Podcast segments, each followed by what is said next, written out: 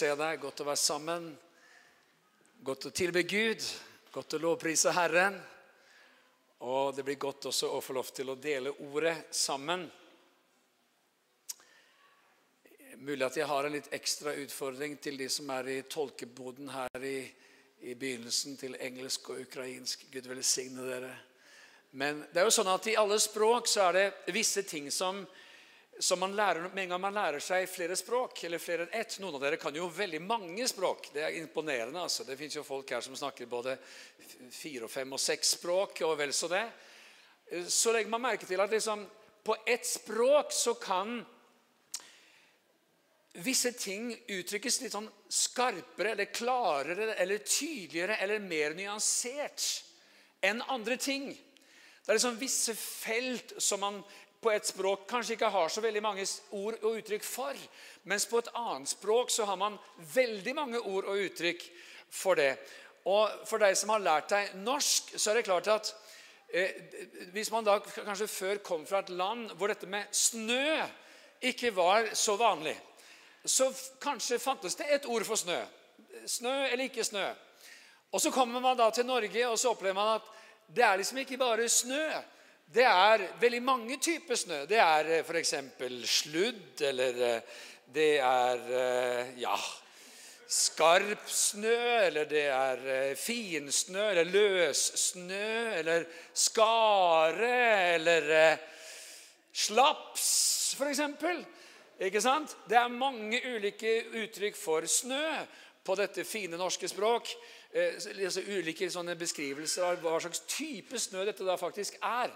Ja, hard snø, løs snø, veldig våt snø osv. Vi skal ikke gå inn i detaljene. Men eh, da for å trøste noen eh, som kanskje da har måttet lære seg dette Hvis det var sånn at det var samisk du skulle lært deg, så finnes det over 100 uttrykk for snø. Altså, I det samiske språket, som er liksom urbefolkningen i Norge, så finnes det altså over 100 måter å beskrive snø på. Eh, det sier noe om at det er veldig mye snø der hvor samene stort sett bor. Og at det fins utrolig mange nyanser i deres språk som vi da ikke har på norsk. Og da noen lurer på hvor i alle dager er du på vei, hva skal predikanten preke om nå? Det skjønner jeg. Jeg skal faktisk snakke om tro. Fordi på det norske språket så er dette med tro et ganske sånn svakt ord, egentlig. Altså, Hvis du er litt sånn usikker på noe, så sier du gjerne altså, 'Kommer Knut i morgen, tro?'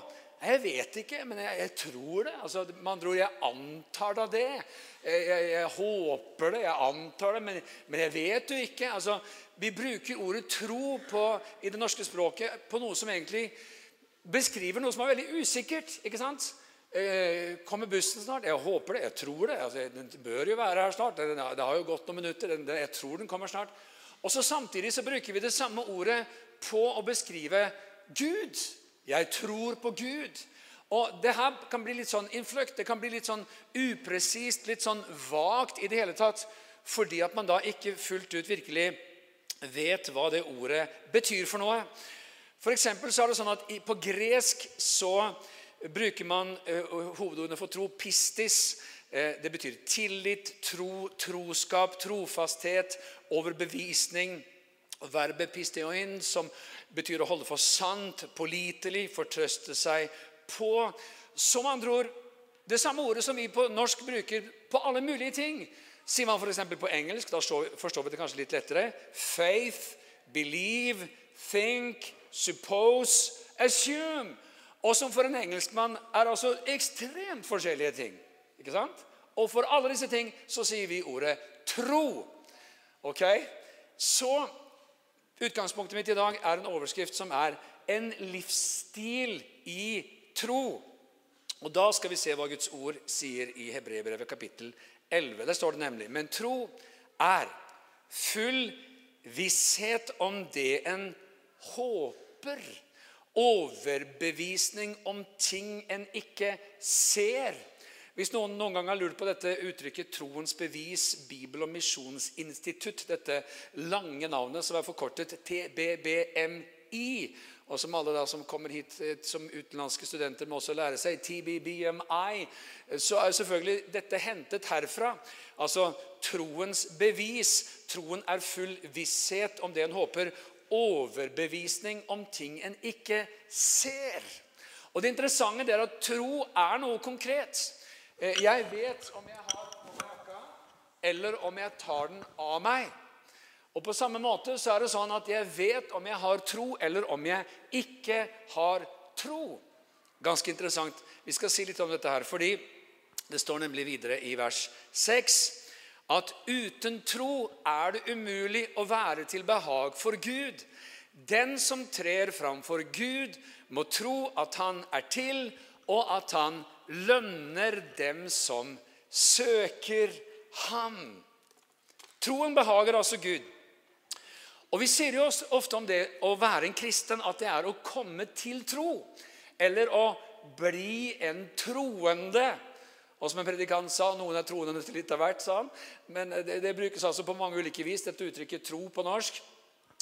Og, og, så er det selvfølgelig sånn at Fordi at vi er i Norge, så ligger det litt, en, litt sånn, jeg vet ikke, en liten slags sånn mollstemning, litt sånn på lur i den norske folkesjelen når man snakker om dette med tro osv. Og, så og det er nesten som at i, i, i, på norsk fordi kanskje at dette ordet tro er litt sånn, litt sånn ambivalent, så, så, er det nesten som at tro og tvil er blitt sånne synonymer. Ikke sant? Jeg tror på min tvil, og jeg tviler på min tro. Hva tror du? Altså, det er litt sånn, veldig litt sånn diffust, egentlig. Derfor så kan det være sånn at Når jeg begynner å snakke om tro, så kan noen kanskje med en gang begynne å tenke ja, tro det er det jeg mangler. Jeg har liksom, å, det, jeg, det er akkurat det, Takk skal du ha. Altså, jeg har liksom veldig lite tro. Det er mitt problem. Jeg tror veldig lite. Jeg vet liksom ikke egentlig om jeg tror eller tror, jeg, eller hva tror du, eller hva, jeg vet ikke hva jeg tror. Men vet du hva? Det som er greia, det er at ah, jeg, skal, jeg skal virkelig oppmuntre deg i dag, altså. Du er en troende, og du har tro. Troen er ditt rette element. Men så er det klart at vi lever i et land som er ekstremt sekularisert. Og hvis du ikke tenker at det er det, så er det fordi at vi er så sauset på en måte inn i en kultur som er liksom bare eh, Ja, jeg husker en gang Anne og jeg og familien vi var i Texas. altså det, Texas er liksom the bibuckle of the Bible belt i Amerika, sånn cirka. Og, og, og liksom, Det var et sånn rodeo-show. Kan du tenke deg? Og det er liksom en helt egen greie. altså Det er tusenvis av texanere med cowboyhatter. For real! Det er sant, altså. Jiha! Og det er rodeo-show. altså Her sitter det tusenvis av mennesker for å se folk hoppe på okser og kalver og alt hva de holdt på med. Og da sitter MC-en liksom, som liksom drar i gang hele greia. Han liksom, jeg skal ikke gjøre noe forsøk på liksom, å etterligne sånn broad Texan dialect. Det faller igjennom. Men, men han liksom ja, men ok. Eh, velkommen alle sammen til Rodeo-showet her. Dette blir jo fantastisk. Og vi har liksom bare lyst til å si at eh, alt som er godt i livet, det kommer jo fra Gud, selvfølgelig.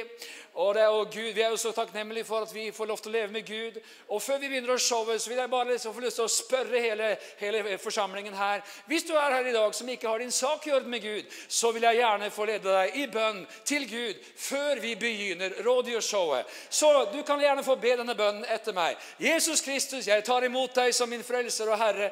Og Vi satt jo ved siden av noen andre som bodde i Texas, og tårene trillet på oss. Vi tenkte hva er det her? Hva i alle dager er det her? Det var liksom bare what? Altså Det var sånn sjokk-treatment for en nordmann fra Norge i Oslo, i denne sekulære også byen. Eh, hvor selvfølgelig troen fins jo overalt. Bare Det er så festlig, altså, for det er jo så, så morsomt, så morsomt. Og var utenfor Oslo S her en dag, og så eh, tenkte jeg alle dager, hva er det her for noe? Det, det, det, var, det var, alle taxisjåfører. Jo, det var bønnetid, vet du.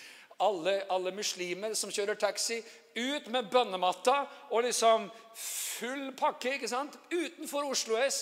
Ja, men come on, Det er bønnetid, nå skal vi be. Så Man ser jo også at i vårt sekulariserte samfunn at liksom dette med tro det, det, kommer seg til uttrykk også i det offentlige rom, som noen klør seg i hodet og tenker i alle dager, hva er det som skjer? Men poenget er at for oss da som er i et sånn sekulært samfunn, så er det sånn at mange steder så er troen mye mer en sånn selvfølgelig del av livet, av kulturen, av samfunnet. Det er liksom ikke sånn at det blir sånn, litt sånn klaustrofobisk stemning i rommet når noen sier at man tror, liksom. Altså, det, det, det, var som noen, en, en, en kjendis sa at liksom, det virker som det er nesten mer eh, liksom, easy going å snakke om sitt, sitt, eh, ja, eh, sine relasjoner fysisk til andre mennesker liksom, enn det er å snakke om sitt trosliv. Men hva er det vi snakker om? Jo, vi snakker om troen er vårt element. Vi er troende. Vi tror på Gud, og vi skammer oss ikke over det. Vi er glade for det, vi er takknemlige for det. Og så er det jo sånn at troen er inngangsporten til frelsen. Amen. Og mange rundt omkring i Norge de tror. De tror på Gud. Og det som er veldig interessant, det er liksom at i håpløse stunder det er jo sånn at eh, altså i, i, i, det norske samfunnet hvor liksom livet går så greit, livet går så fint, sikkerhetsnettet fins overalt Hvis alt skjærer seg, samfunnet forventes å ta hånd om deg eh, økonomisk og på ulike måter praktisk eh, altså helsetjenester osv. Og, og det der er vi så takknemlige for. Utrolig takknemlige. Samtidig så kan det også være litt sånn at det å faktisk oppleve at man kommer i kriser eller kommer i vanskeligheter Livet butter, livet er vanskelig, så er det noen og hver som plutselig tenker ok, nå skjønner jeg at jeg kan liksom ikke bare sette min lit til meg og mitt og mine. Det, det må finnes noe mer, det må finnes noe større. Og jeg tror at veldig mange i Norge de tror på Gud. De har troen der. Men, men så sier Romerne kapittel 10 vers 9 at dersom du med din munn bekjenner at Jesus er Herre, og i ditt hjerte tror at Gud reiste ham opp fra de døde, da skal du bli frelst. Med hjertet tror en til rettferdighet, og med munnen bekjenner en til frelse. Derfor så sier vi når vi døper noen, at på din egen tro og bekjennelse døper jeg deg i Faderens og Sønnens og Den hellige ånds navn. Amen. Du vet, det her med tro er litt spesielt. Det er veldig personlig, samtidig som det ikke er noe som er individuelt. Og vi som er her, vi har sikkert like mange historier og like Eller bare individuelt, jeg skal komme tilbake til det. men um, vi har sikkert like mange historier om vår trosreise som det det fins folk her. Jeg mener, Noen er her som har et sånn radikal omvendelse. Bang! Ikke opplevd noen kristen bakgrunn, ikke liksom noen kristen historie. Og så skjedde det noe, og så ble det en full omvendelse, og så møtte du Jesus, og så ble du frelst. Eh, jeg mener, jeg, ble, jeg erfarte Gud selv ganske, som ganske ung. Eh, vokste opp i en kristen familie, ble døpt i Den hellige ånd eh, som, som 13-åring. Og det var fantastisk. Og så kom videregående, og alt ble snudd på hodet. Og jeg liksom Oi, oi, oi. oi. Alle sånne vedtatte sannheter og alt man hadde vokst opp med, som, som, ingen egentlig hadde stilt all verdens spørsmål med, selv om det var litt på videregående også, eller på ungdomsskolen også, så ble det liksom bare alt snudd opp ned. Og jeg var på musikklinja, det var fantastisk. Og Tøns, Tønsberg videregående, eller Greveskogen videregående, som det heter nå. jeg mener, Det fins jo ikke noe særere miljø enn en, en, en, en, musikklinje. ikke sant? Mens du har liksom streberne der, og du har liksom alle du har, du har de, de, de, sharpe der, og du har de språkfolka der. og, og så Mens musikerne vet du, Det var jo et, et ensemble av bohemer og anarkister og fritenkere. og jeg mener, Vi, vi så jo ikke ut. altså, Vi var liksom alle andre på skolen var sånne kommersielle fyrer som bare gikk i det samme, som en slags sånne ensrettede soss. ikke sant? Så vi gikk på loppemarked og kjøpte våre egne frakker og fjernet alle knapper og satte inn en trekant, en gul, en firkant som var rød, en gul altså det var liksom, eh, Vi kjøpte, gikk med franske berreter med slips som hang ut, og svære strikkegensere med en singlet utenpå, og syntes vi var lekre. Satt på kafeer og diskuterte liksom filosofier og verdenspolitikken og løste alle problemer. Jeg spilte i et eh, jazzband som het Det akustiske kjøkken. To ateister og to kristne. Det var lite øving, veldig mye samtale, diskusjon. Og På den ene siden så likte jeg det, jeg syntes det var helt nydelig. Og samtidig så kjente jeg jo at mer og mer og mer så var det akkurat som at hmm, Altså, Det var jo et eller annet som begynte å forandres i livet. Det var noe som begynte å endres. Eh, og Jeg husker en, husker eh, en spesiell eh, opplevelse hvor jeg, jeg, jeg, drømte i en drøm at jeg så meg selv. Det var veldig interessant. Og den jeg så, kjente jeg ikke igjen. Fra en som liksom hadde en sånn enkel tro på Jesus og var glad for livet, så hadde jeg blitt litt komplisert eller melankolsk eller blå i, blå i liksom tilnærmingen. Litt sånn smådepressiv. Litt sånn, litt sånn Og jeg leste, jeg gikk på biblioteket hver dag, lånte sånn svære svære hauger med bøker. Religion, filosofi, eh, politikk, alle mulige greier. Og jo mer jeg leste, jo mer forvirret ble jeg. Og Bibelen tenkte jeg jo ikke på å gå tilbake til. Altså, for Den hadde jo lest forlengs baklengs og kunne alt om. ikke sant? Sånn som Noen som vokser opp i et kristent hjem. Du har liksom, du har sånn barnebibel med liksom bare sånn tre, treordssetninger. Sånn Jonas i hvalen.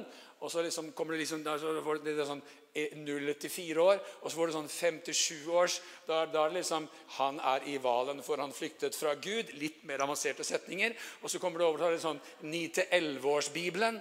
Og da, da, da, kommer det liksom litt mer greier. Jonas han priste Gud i hvalen. Skjønner du? Du, liksom, du, du, har liksom, du har hatt alle tegneseriebibler, alle mulige bibler, alle versjoner, alle oversettelser. Helt til du da får din voksenbibel og lærer liksom Oi, det var en ganske heftig historie. det der. Han kom for å liksom avsi dom over Ninive, og det var litt heftige ting. og Gud eh, liksom gjorde allting annerledes for de omvendte seg osv. Så, videre.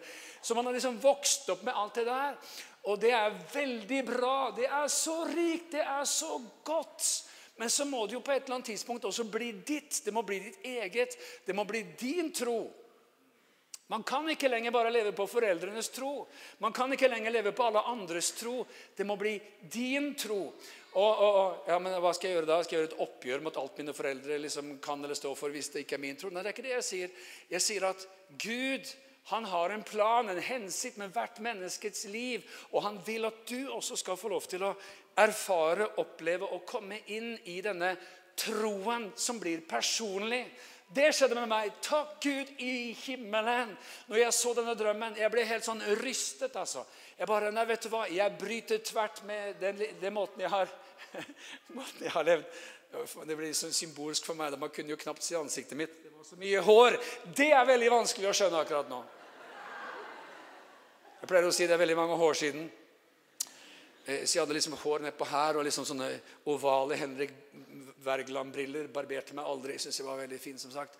Og, eh, så jeg, Det første jeg gjorde, var jeg kastet alle mine klær. Jeg gikk rett til frisøren, klipte, greiene og, og eh, begynte på bibelskole. Jeg bare dang, dang, dang, dang. Mellom andre og tredje klasse kan du tenke deg, nå skal vi liksom bare snu opp ned på livet her. Og sånn ble det også. Så troen Hør nå her. Man slutter egentlig aldri å tro. Men troen opphører å få konsekvenser for livet. Troen har ikke lenger noe å si for det livet som jeg lever, hvis troen på en måte kommer på distanse, og den bare er der på et eller annet sted. Så når jeg har da overskrift for, for det jeg preker om i dag, og jeg er langt ute i prekena, så don't worry, eh, så er det det altså det er å leve en livsstil i tro. Leve en livsstil i tro. Og det er nemlig ikke noe som er statisk. Det er noe som vokser, det er noe som styrkes, men det er også noe som kan bli svakere. Eh, vi skal si litt, litt om troen i ditt liv, og vi skal si en hel del også om troen i en menighet. For det er nemlig sånn at Paulus han skriver til ulike menigheter, og da er det interessant å se at han kommenterer troen deres. F.eks. i 2. Tessaloniker kapittel 1 og vers 3 så står det Vi skylder alltid å takke Gud for dere brødre, som rett og riktig er. For troen vokser rikt hos dere og for noen som lurte på, Er søstrene inkludert i brødre? Det er helt klart. Og brødrene er inkludert i Kristi brud. Så sånn er det. For troen vokser rikt hos dere, og kjærligheten dere imellom blir større hos hver enkelt av dere. Derfor kan vi selv rose oss av dere i Guds menigheter på grunn av den tålmodighet og tro dere viser i alle de forfølgelser og trengsler som dere holder ut. Her sier altså Paulus troen vokser rikt hos dere. Så troen kan med andre ord vokse. I en menighet, Nå skriver han til et fellesskap. Han skriver til menigheten i fellesskap. Og Det er viktig å si at det er altså ikke bare min tro, men det er også vår tro. Det er interessant at mange av disse bønnene de, de er sånne flertallsbønner. Vi, vi, vi, ber oss, vi ber Fader vår. Ikke bare min far, du som er i himmelen, men vår far, du som er i himmelen. Og det som er veldig herlig, det kommer vi også tilbake til, det er at om du kan føle at jeg vet hva, min tro altså, den, oi, oi, oi, det, går, det svinger i alle retninger, det er jojo, så er det godt å kjenne også at i en menighet så kan man få lov til å bæres av andres tro. Amen. Det er veldig, veldig fint. Vi, på, vi skal også si litt mer om det. Her ser vi at troen vokser rikt, så den kan vokse. Han sier også at dere viser tro og tålmodighet. Som med andre er troen noe som er synlig. Det er merkbart. Det var merkbart for tessalonikerne at de trodde. Det var åpenbart at troen vokste for dem. Hvilket samsvarer det han også sier i sitt første brev til tessalonikerne i kapittel 1 og vers 3, hvor han sier Stadig minnes vi deres virksomhet i troen. Med andre ord, den var virksom, og den var aktiv. Troen handler. Troen uten gjerning er død, sier Jakobs brev. Og så vet vi at Paulus han sier til menigheten i Roma, der Paulus ennå ikke har vært, når han skriver brevet, i Romerne kapittel 1 og vers 8 Først takker jeg min Gud ved Jesus Kristus for dere alle, for i hele verden blir det talt om deres tro. Hvilket vitnesbyrd for en menighet! Wow! Kan du tenke deg? Han skriver dette i vers 8, altså helt innledningen av brevet. I hele verden, kjære romere, så blir det talt om deres tro. Deres tro er kjent overalt, altså. Amen. Så eh, her legger vi også merke til dette kollektivet. Det er ikke bare snakk om personlig tro, men menighetens tro. En liten sånn parentes her. du vet, Det er interessant at til ulike tider så er det ulike ting som kommer fram, og som belyses i Kristi kropp og i Guds menighet. Og Mange ganger så kommer det sånne vekkelser eller bevegelser i Gud som åpenbarer glemte sannheter i Guds ord. Og som kanskje gir flombelysning på et visst område som har blitt forsømt eller som har vært svakt i en tid. Sånn var det med pinsevekkelsen i forhold til dette med åndens dåp, åndens kraft, åndens gaver, åndens liv. Men ikke bare det. En hel del andre ting også. Jeg skal ha et sånn seminardag her på fredag som heter Apostolisk kristendom. Og Du må veldig gjerne bli med på denne, en åpen dag på TBBMI, hvor jeg skal undervise fire timer om apostolisk kristendom, og som handler veldig mye om denne fullheten.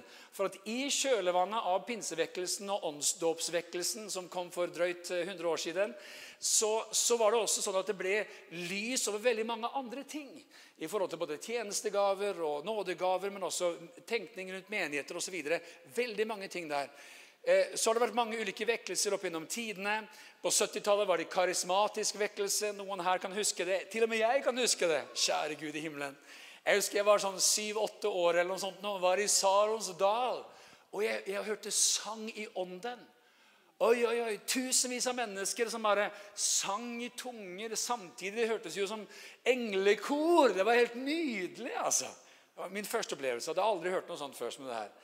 Og så, og så kom det en slags sånn hva skal man si, også en, en, en, en, bølge i etterkant av det, som også var en slags undervisningsvekkelse. For nå hadde veldig mange da erfaringer med Den hellige ånd. Hundrevis av millioner av mennesker over hele verden ble døpt i ånden eh, og talte i nye tunger i alle slags kirker og sammenhenger, men hadde lite, lite kanskje kunnskap om erfaringen. Og Så kommer da et sånt svar også i forhold til en undervisningsvekkelse. Eh, og, og, så kom det da en fornyelse i forhold til dette med tro og trosvekkelse. Og så er det selvfølgelig sånn at hver gang det kommer en vekkelse, sånn var det kanskje også med pinsevekkelsen, og sånn har det kanskje vært med de fleste vekkelser, så er det sånne pendelsvingninger. Og av og til så svinger det litt for langt. Ikke sant? Sånn at liksom en del av man hører tro, så tenker man oi, oi, oi, oi trosvekkelse, eh, trosbevegelse. Oi, oi, det, det, var litt voldsomt. Og det er, det er liksom litt sånn amerikansk. Og, og, det er liksom eh, og det er med rette. altså. Jeg husker jo jeg husker en, en, en, norsk broder som hadde blitt så inspirert sikkert av en amerikansk predikant han hørte. og Han sto opp og liksom skulle ja, ja, så Gud vil at du skal ha en ny bil. Ja, Det er helt sikkert, altså. Fordi Bibelen sier jo nemlig at eh, at eh, Jesus han eh, red inn i Jerusalem på et esel som aldri var brukt. Og jeg tenkte, jeg satt der og krympa meg på første rad og tenkte kjære Gud, jeg er ikke her, jeg opplever ikke dette. Det er ikke mulig. Det er det man kaller for sånn kjøkkenteologi. Altså Det er sånn veldig hjemmesnekret. Ikke sant? Det er liksom, og, og, og, Bare som parentes Hvis noen noen gang skulle si til deg at jeg har fått en helt ny åpenbaring i Skriften Dette er noe som ingen noen gang har sett før. Liksom, det er røde lamper, det er liksom eh, bjellesignaler, og det er liksom alle, ting, alle parametere på en gang. ikke sant? For at vi skal stride for den tro som en gang for alle en gang for alle er overgitt til de hellige. Så det har vært der alt sammen hele tiden, men trenger å liksom minnes på, på til ulike tider. Så hva er det som skjer da? Jo, når det kommer sånne vekkelser, eh, så er det sånn at da, fordi at noen eh, for eksempel, Jeg snakket med en pinsepredikant en, en, en, med sånn eldre garde nå, som sa at eh, når den karismatiske vekkelsen kom på 70-tallet Vi turte jo ikke engang å, å, å, tale om nådegaver lenger i menigheten vår. Fordi alt som var karismatikk, det ble, liksom, det ble koblet til Arle Edvardsen og troens bevis, og det var liksom tabu. Så da, ikke sant? Og Så kommer da trosvekkelse, og så er det kanskje enkelte ting som går, går, for langt i visse miljøer. Og så er det da noen som da tenker ja, men vi tør ikke lenger å, å tale om tro. liksom, For hvem er vi da? And the list goes on, ikke sant? Så vi trenger liksom, og det var jo sånn som En, en også har sagt at de eneste gangene kristne er liksom rett på veien, det er når de er på vei fra den ene grøfta til den andre. Kjære Gud i himmelen, hjelp oss alle. Men vet du hva? vi tror at det fins en rett vei. Vi tror at det fins en sunn lære, et sunt liv. Og vi tror at dette med troens dimensjon er en selvfølge for Guds menighet. Selvfølgelig. Og for deg og for ditt liv. Og, og det er klart at det som også skjer i alle sånne vekkelser, er at hvis man bare slår på én spiker, så blir den skeiv. Som en amerikansk pastor sa 'Error is truth taken too far'. Vranglære er noe rett som er tatt for langt. Ikke sant? Og Derfor så kan det være på sin plass å si når man snakker om tro, at når Filippe-brevet taler om 'Å, jeg vil kjenne ham', og kraften av hans oppstandelse og alle folket sa amen. Ja, men Det var bare det at veldig mange stopper der. og Så kommer det en setning til, og det er og samfunnet med hans lidelser. Jeg vet ikke om du har liksom dratt, det inn i bønnen din noen gang. Men det er veldig veldig sunt for folk som preker tro og gjennombrudd og seier, å forstå at lidelse er en del av livet. At lidelse er også en del av det å følge Jesus. Og hvis vi ikke vet og ikke forstår at lidelse er en del av det å, å være en kristen, så vil vi heller på ingen måte takle de krevende tider som ligger foran oss. For krevende tider ligger foran oss. Vi er midt i krevende tider, også i forhold til det å stå opp for Jesus. Så vi tror for gjennombrudd. Vi tror på seier på ulike områder, og vi forstår at lidelser er en del av livet. Og så må samtidig da alle sånne vekkelser ta vare på sine, den åpenbaringen man fikk. ikke sant? Og Hvis man ikke gjør det, hvis man liksom tenker på sånne vekkelsesanatomi og Dette ble en litt sånn kanskje lengre parentes enn vi skulle egentlig ha når vi spreker om tro. Men, men, så kan man liksom da ende opp med at du har pinsebevegelser, pinsebevegelser eller, eller, eller, pinsemenigheter hvor liksom dette med åndens liv er, og nådegaver er ganske fremmed. Eller du kan ha baptistmenigheter som har sluttet å preke radikal dåp. Eller du kan ha metodistkirker som ikke lenger har metoder for disippelgjøring og forkynne radikal omvendelse. Eller du kan ha sammenhenger som f.eks. Frelsesarmeen med verdens mest brutale navn på en kristen sammenheng. Som blir så snilt og hyggelig og fint at ingen lenger skjønner at det fins en voldsom sting i dette navn. En armé som vil frelse deg. Kan du tenke deg? Oi, oi, oi. William Booth ikke sant, som sier om jeg kunne få noen frelst ved å stå på hendene og spille tamburin med bena, så ville jeg veldig gjerne gjøre det. Jeg la f.eks. merke til her, det, det, Dette er noe helt annet, men jeg la merke til altså, oi, oi, jeg var i byen på et sånt ærend. Var det lille julaften eller noe sånt? Nå, du vet, du vet, those days hvor man liksom løper og farter og, og skal fikse alt sånt i siste lita. Og så kom jeg da til eh, Egertorget, hvor vi har stått så mange ganger og forkynte evangeliet og hatt hvor mange ganger mange gatemøter opp gjennom tidene. Jeg vet ikke. Og der, i julehøytiden, så er det et svært telt hvor som folk kommer til og blir stående og prate. Introduksjon til islam. Og med liksom utdelelse av korandeler og brosjyrer og flyers. Jeg bare tenkte oi, oi, oi, oi. Ja, som altså det var som Arild Edvardsen sa i sin tid. Enten så evangeliserer vi dem, eller så evangeliserer vi oss. Men det er preken. Så hva er poenget her? Jo, alt tilhører oss. Vi trenger ikke tenke båser. ikke sant? Er det Paulus, er det Kefas, er det Apollos, som det står i 1. Korinterbrev kapittel 1? Vi skal ha alt. Amen. Vi vil ha tro, vi vil ha salvelse og kraft, vi vil ha inderlighet. Og vi vil ha erfaringen av og, og, og, og troen på Guds ord. Og vi vil samtidig selvfølgelig ha eh, alt hva Herren har fra alle sammenhenger gjennom alle tider. Etiketter er ikke all verdens viktige, men jeg følte det var godt for noen å høre dette her, så jeg sa dette.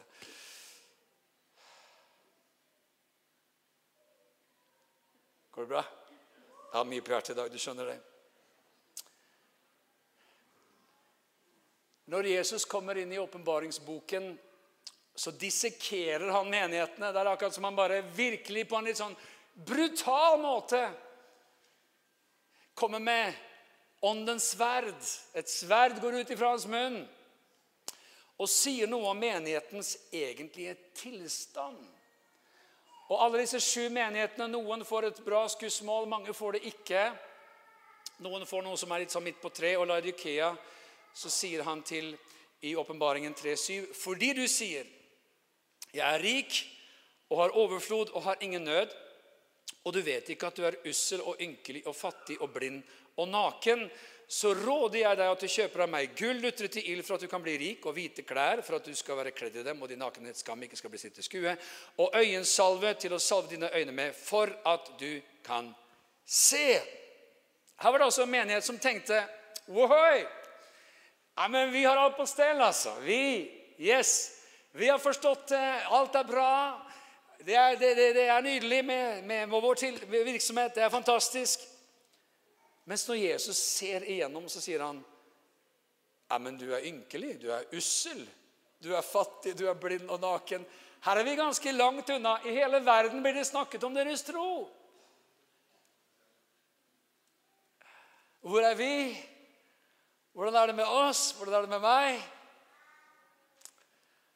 Hvordan reagerer jeg på et budskap som blir forkynt? Hvordan er menighetens trosliv? Hvordan er mitt trosliv? Vet du hva? Noen trenger bare å oppmuntres. Det står nemlig i Romerbrevet kapittel 14 i vers 1.: Ta dere av den som er svak i troen, uten å gjøre dere til dommere over hans tanker. Kan man være i en menighet og være svak i troen? Ja. Jeg mener, Du skal jo virkelig sørge for, hvis troen er svak ja, men Vær en del av den. Kom på gudstjenestene, kom på møtene. Hør Guds ord, så du kan bli styrket i troen. Ikke sant? Av og til så kan man tenke helt motsatt. at ja, men nå, Jeg føler meg svak i troen, og alle disse andre er så perfekte, de har alt på stell. Jeg holder meg litt unna. Nei, vet du hva? Jeg mener, dra til, kom til. Og det er så viktig for den som har vært troende lenge, og som definerer seg som en solid kristen og sterk i troen, at hvis noen kommer til deg eller deler sine tanker om bare alt de ikke forstår, eller ting i Skriften som er vanskelig, eller, eller liksom spørsmålsstillinger, så vil vi ha et miljø og en kirke hvor vi sier 'Å, så fint at du deler det'. Så bra! Vi oppmuntrer til å stille de spørsmålene. Vi er ikke redde for noen spørsmål. Det er bra å stille spørsmål. Vi vil gjerne lytte. ikke sant? Og i en disippelgruppe en til en eller en, bare en samtale Det er godt å kunne samtale også om det som er vanskelig, og man kjenner at man er svak i troen. Ikke sant? Og da står det 'uten å gjøre dere til dommere over hans tanker'. Med andre ord, Den som er svak i troen, skal ikke møtes med forakt eller dømmes, men få hjelp, få omsorg og få oppfølging.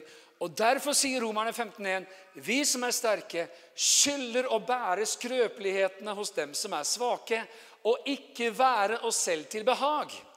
Enhver av oss skal være til behag for sin neste, til gagn og oppbyggelse for ham. Så noen som da er svake i troen, trenger bare oppmuntring, støtte og hjelp. Men så kan det også være da andre som på en måte tenker ja, men yes, jeg har min teologi i orden. Jeg lever mitt liv som en kristen. Jeg har liksom alt på plass. Og som kanskje rett og slett trenger å bli litt urolig, egentlig. Fordi alt går på det vante, og fordi alt er blitt rutine. Og fordi sakte, men sikkert så kan på en måte troslivet bli noe som, som ikke er friskt eller levende. Og for det å leve av tro, eller leve i tro, som vi skal si litt om også eh, videre de neste søndagene, at det er liksom ja, men Hva bruker jeg egentlig troen til? Hva bruker jeg egentlig troen på? Er det, det, er det sånn at jeg i det hele tatt må involvere troen min på noe område som helst? Har det egentlig noen konsekvens for det livet som jeg lever? Ikke sant? Ingen er jo tydeligere på dette enn Jesus med sine disipler. Altså, Det er helt nydelig å lese Jesus og disiplenes og hans historier. Er det ikke herlig? Ja, det var et par som syntes det. Han, han, er så rett på Jesus. Også, han er så lite skandinavisk! Takk Gud i himmelen! Altså Skandinavia Alt er pakket inn i ull, ikke sant? Alt er pakket inn i ull eller bomull. Alt er liksom skal, altså For all del, ikke støt noen, er regel nummer én. Fornærm ikke noen. Vi er jo en nasjon av fornærmede. Fordi noen en gang sa noe som var litt dumt. Ja, ikke sant? Og hvis noen hever røsten litt, eller hvis noen blir liksom litt sånn på et nivå som er liksom en vanlig sånn samtaleflow i litt sånn sørligere deler av Europa, så tenker man hva har skjedd med han? liksom? Ikke sant? Og, ok, Jesus og disiplene. Så her, her er historien. Jesus, eh, Peter, Jakob, Johannes, forklaringsfjellet. Jesus har vist sin herlighet. De kommer ned fra fjellet, og der er det liksom en, en, en, eh, en mann som, som, har et barn som kastes i ilden, og som er plaget av vonde ånder. Og så sier han Jeg tok han til disiplene dine, men de, de, de klarte ikke å drive han ut.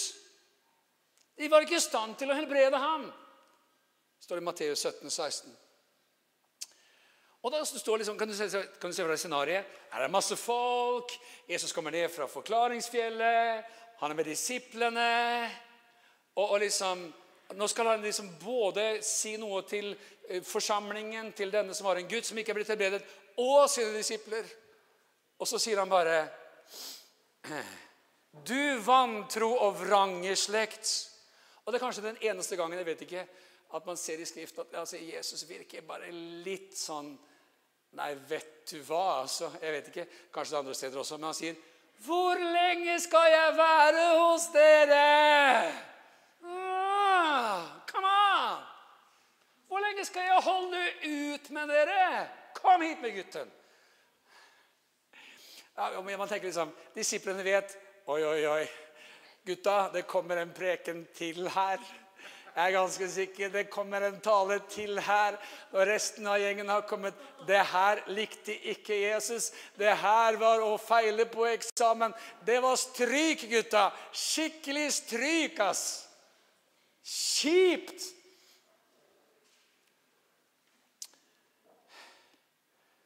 Kom hit med gutten, og Jesus talte myndig til ham, og den onde ånden far ut, og gutten ble frisk i samme stund. Eh, da disiplene ble alene med Jesus, spurte de ham hvorfor kunne ikke vi drive den ut. De kommer han sånn litt i forkjøpet her.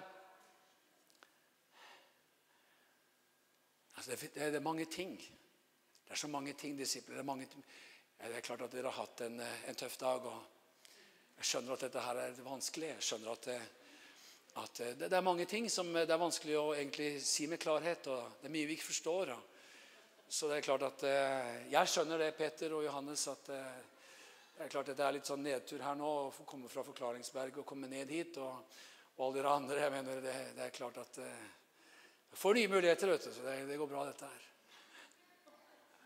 Sånn norsk pastoral holdning. Sånn. så sier Jesus fordi dere har så lite tro.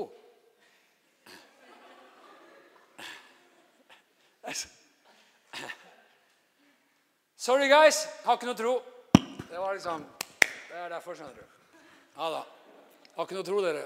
Sånn er det. Vært sammen med mesteren i tre år snart, ikke sant? Har ikke noe tro. Ja, ja. Gått i lære hos mesternes mester, hva?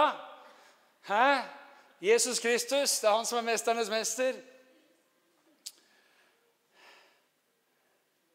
Sannelig, jeg sier dere, om dere har tro som et sennepsfrø Om dere bare har bitte, bitte, bitte, bitte, bitte, bitte lite grann tro, så kan dere si til dette fjellet, flytt deg herfra og dit, og det skal flytte seg. Og ingenting skal være umulig for dere.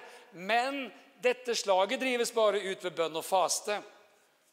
Så Vi skal jo si litt forskjellig også fremover om hva skaper tro, hvordan kommer troen, hva, hva nærer troen, osv. Det fins det mye å si om. I Markus 11 så går de forbi et fikentre som Jesus har forbannet. Dette, her, dette virker jo ikke helt sånn politisk korrekt å forbanne et tre. Eh, men han gjør nå det og sier det skal aldri mer bære frukt. De går forbi fikentreet etterpå.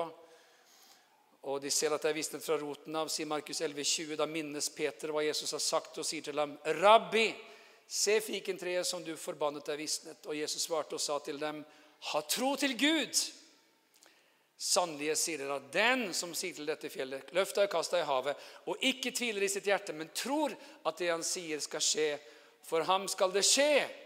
Derfor sier jeg dere, alt dere ber om i bønnen, tro bare at dere får det, så skal det det ble gitt dere. Jeg bare kom til å komme på en sånn syk engelsk bok som ble gitt ut for noen år siden. En sånn der, eh, dagbok fra Jeg husker ikke hva han het igjen. Var det Adrian Plass, eller hva het han? Et eller annet. Kanskje mikser navnet. Men, men, som sitter og skriver veldig åpenhjertig om alle ting han prøver ut i troen. Og, han, liksom, han leser dette verset og tenkte ok, jeg får starte med en binders, liksom som sitter der liksom og prøver å få en binders til å flytte seg fra A til B. liksom. liksom jeg må, hvis jeg ikke har tro som et sennepsfrø engang, hvis jeg tror som et sennepsfrø, så kan jeg flytte dette fjellet. Så jeg får prøve med en binders. og så, Hallo, altså, det går an. Så sitter han og beskriver sine, sine håpløse eksperimenter. nå. Så, så, hvis noen tenkte på det, så er du herved frigjort. Det trenger du ikke gjøre. Men hva er det det står her? Alt dere ber om i bønnen, tro bare at dere får det, så skal det bli gitt dere. Og han legger til i Markus 9, vers 23, Jesus sier til ham, om du kan tro, alt er mulig for den som tror. Og så er Bibelen så ærlig at den svarer og sier, straks ropte guttens far, jeg tror, hjelp min vantro. Er det noen som har vært der? Ah. Du vet, Det er så interessant det her med tro. Noen har hørt oss dele den historien, en veldig spesiell historie. Vi er på Sicilia, er på et sommerteam med Jesus Revolution. Og pastor Mike de Anna sier til Annes mor Gro You are a woman of faith. Som, og så kan det skje noe. Når det kommer et ord, en setning som på en måte ikke bare er en allmenn setning, men som har tro i seg, som skaper noe. Og så skjer det der forferdelige at eh, hun spiser den fersken og biter i steinen og knekker fortanna i to. Kjipt. Så begynner hun å tenke I'm a woman of faith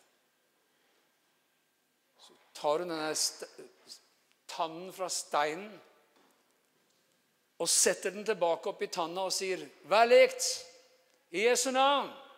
Og der sitter den. You are a woman of faith. Hva er det du snakker om nå? Er det sånn hokus pokus-greier vi snakker om her? Nei, jeg snakker om at tro er noe konkret. Altså, Og tro brukes på veldig mange måter troen på Gud, å være en troende, å leve i tro. Men det fins også en type tro som er tro for mirakler, tro for undre, tro for gjennombrudd, tro for bygninger, tro for håpløse situasjoner, tro for det som ser umulig ut. Tro i en håpløs jobbsituasjon. Tro i en relasjon hvor alt er gått på tverke. Tro i en familie hvor alt er vanskelig. Tro når alle prognoser sier 'det går ikke'. Troen kan forandre, troen kan vende, troen kan endre. Og det er troen på Gud, ikke troen på min tro, men troen på Gud. Han som er troens opphavsmann og fullender, Jesus Kristus. Gud vil ha oss inn i en livsstil og tro. Og så kan det være at du Ikke heng deg for mye opp i det eksempelet, men jeg synes det er et herlig eksempel. Det er et nydelig eksempel. Men det fins bare så mange ting i denne håpløse verden som trenger noen mennesker med tro. Og som begynner å tenke troens tanker, som begynner å tale troens språk, som begynner å se troens muligheter. Amen. Halleluja. Gud vil at troen på ham skal få lov til å prege vårt liv, ditt og mitt liv. Og til slutt Romerne 1,16 så står det Jeg skammer meg ikke over evangeliet, det er en Guds kraft til frelse for hver den som tror. Jøde først, og så greker. For i det åpenbares Guds rettferdighet av tro til tro, slik det står skrevet. Den rettferdige skal leve ved tro. Amen. Vi reiser oss opp, alle sammen.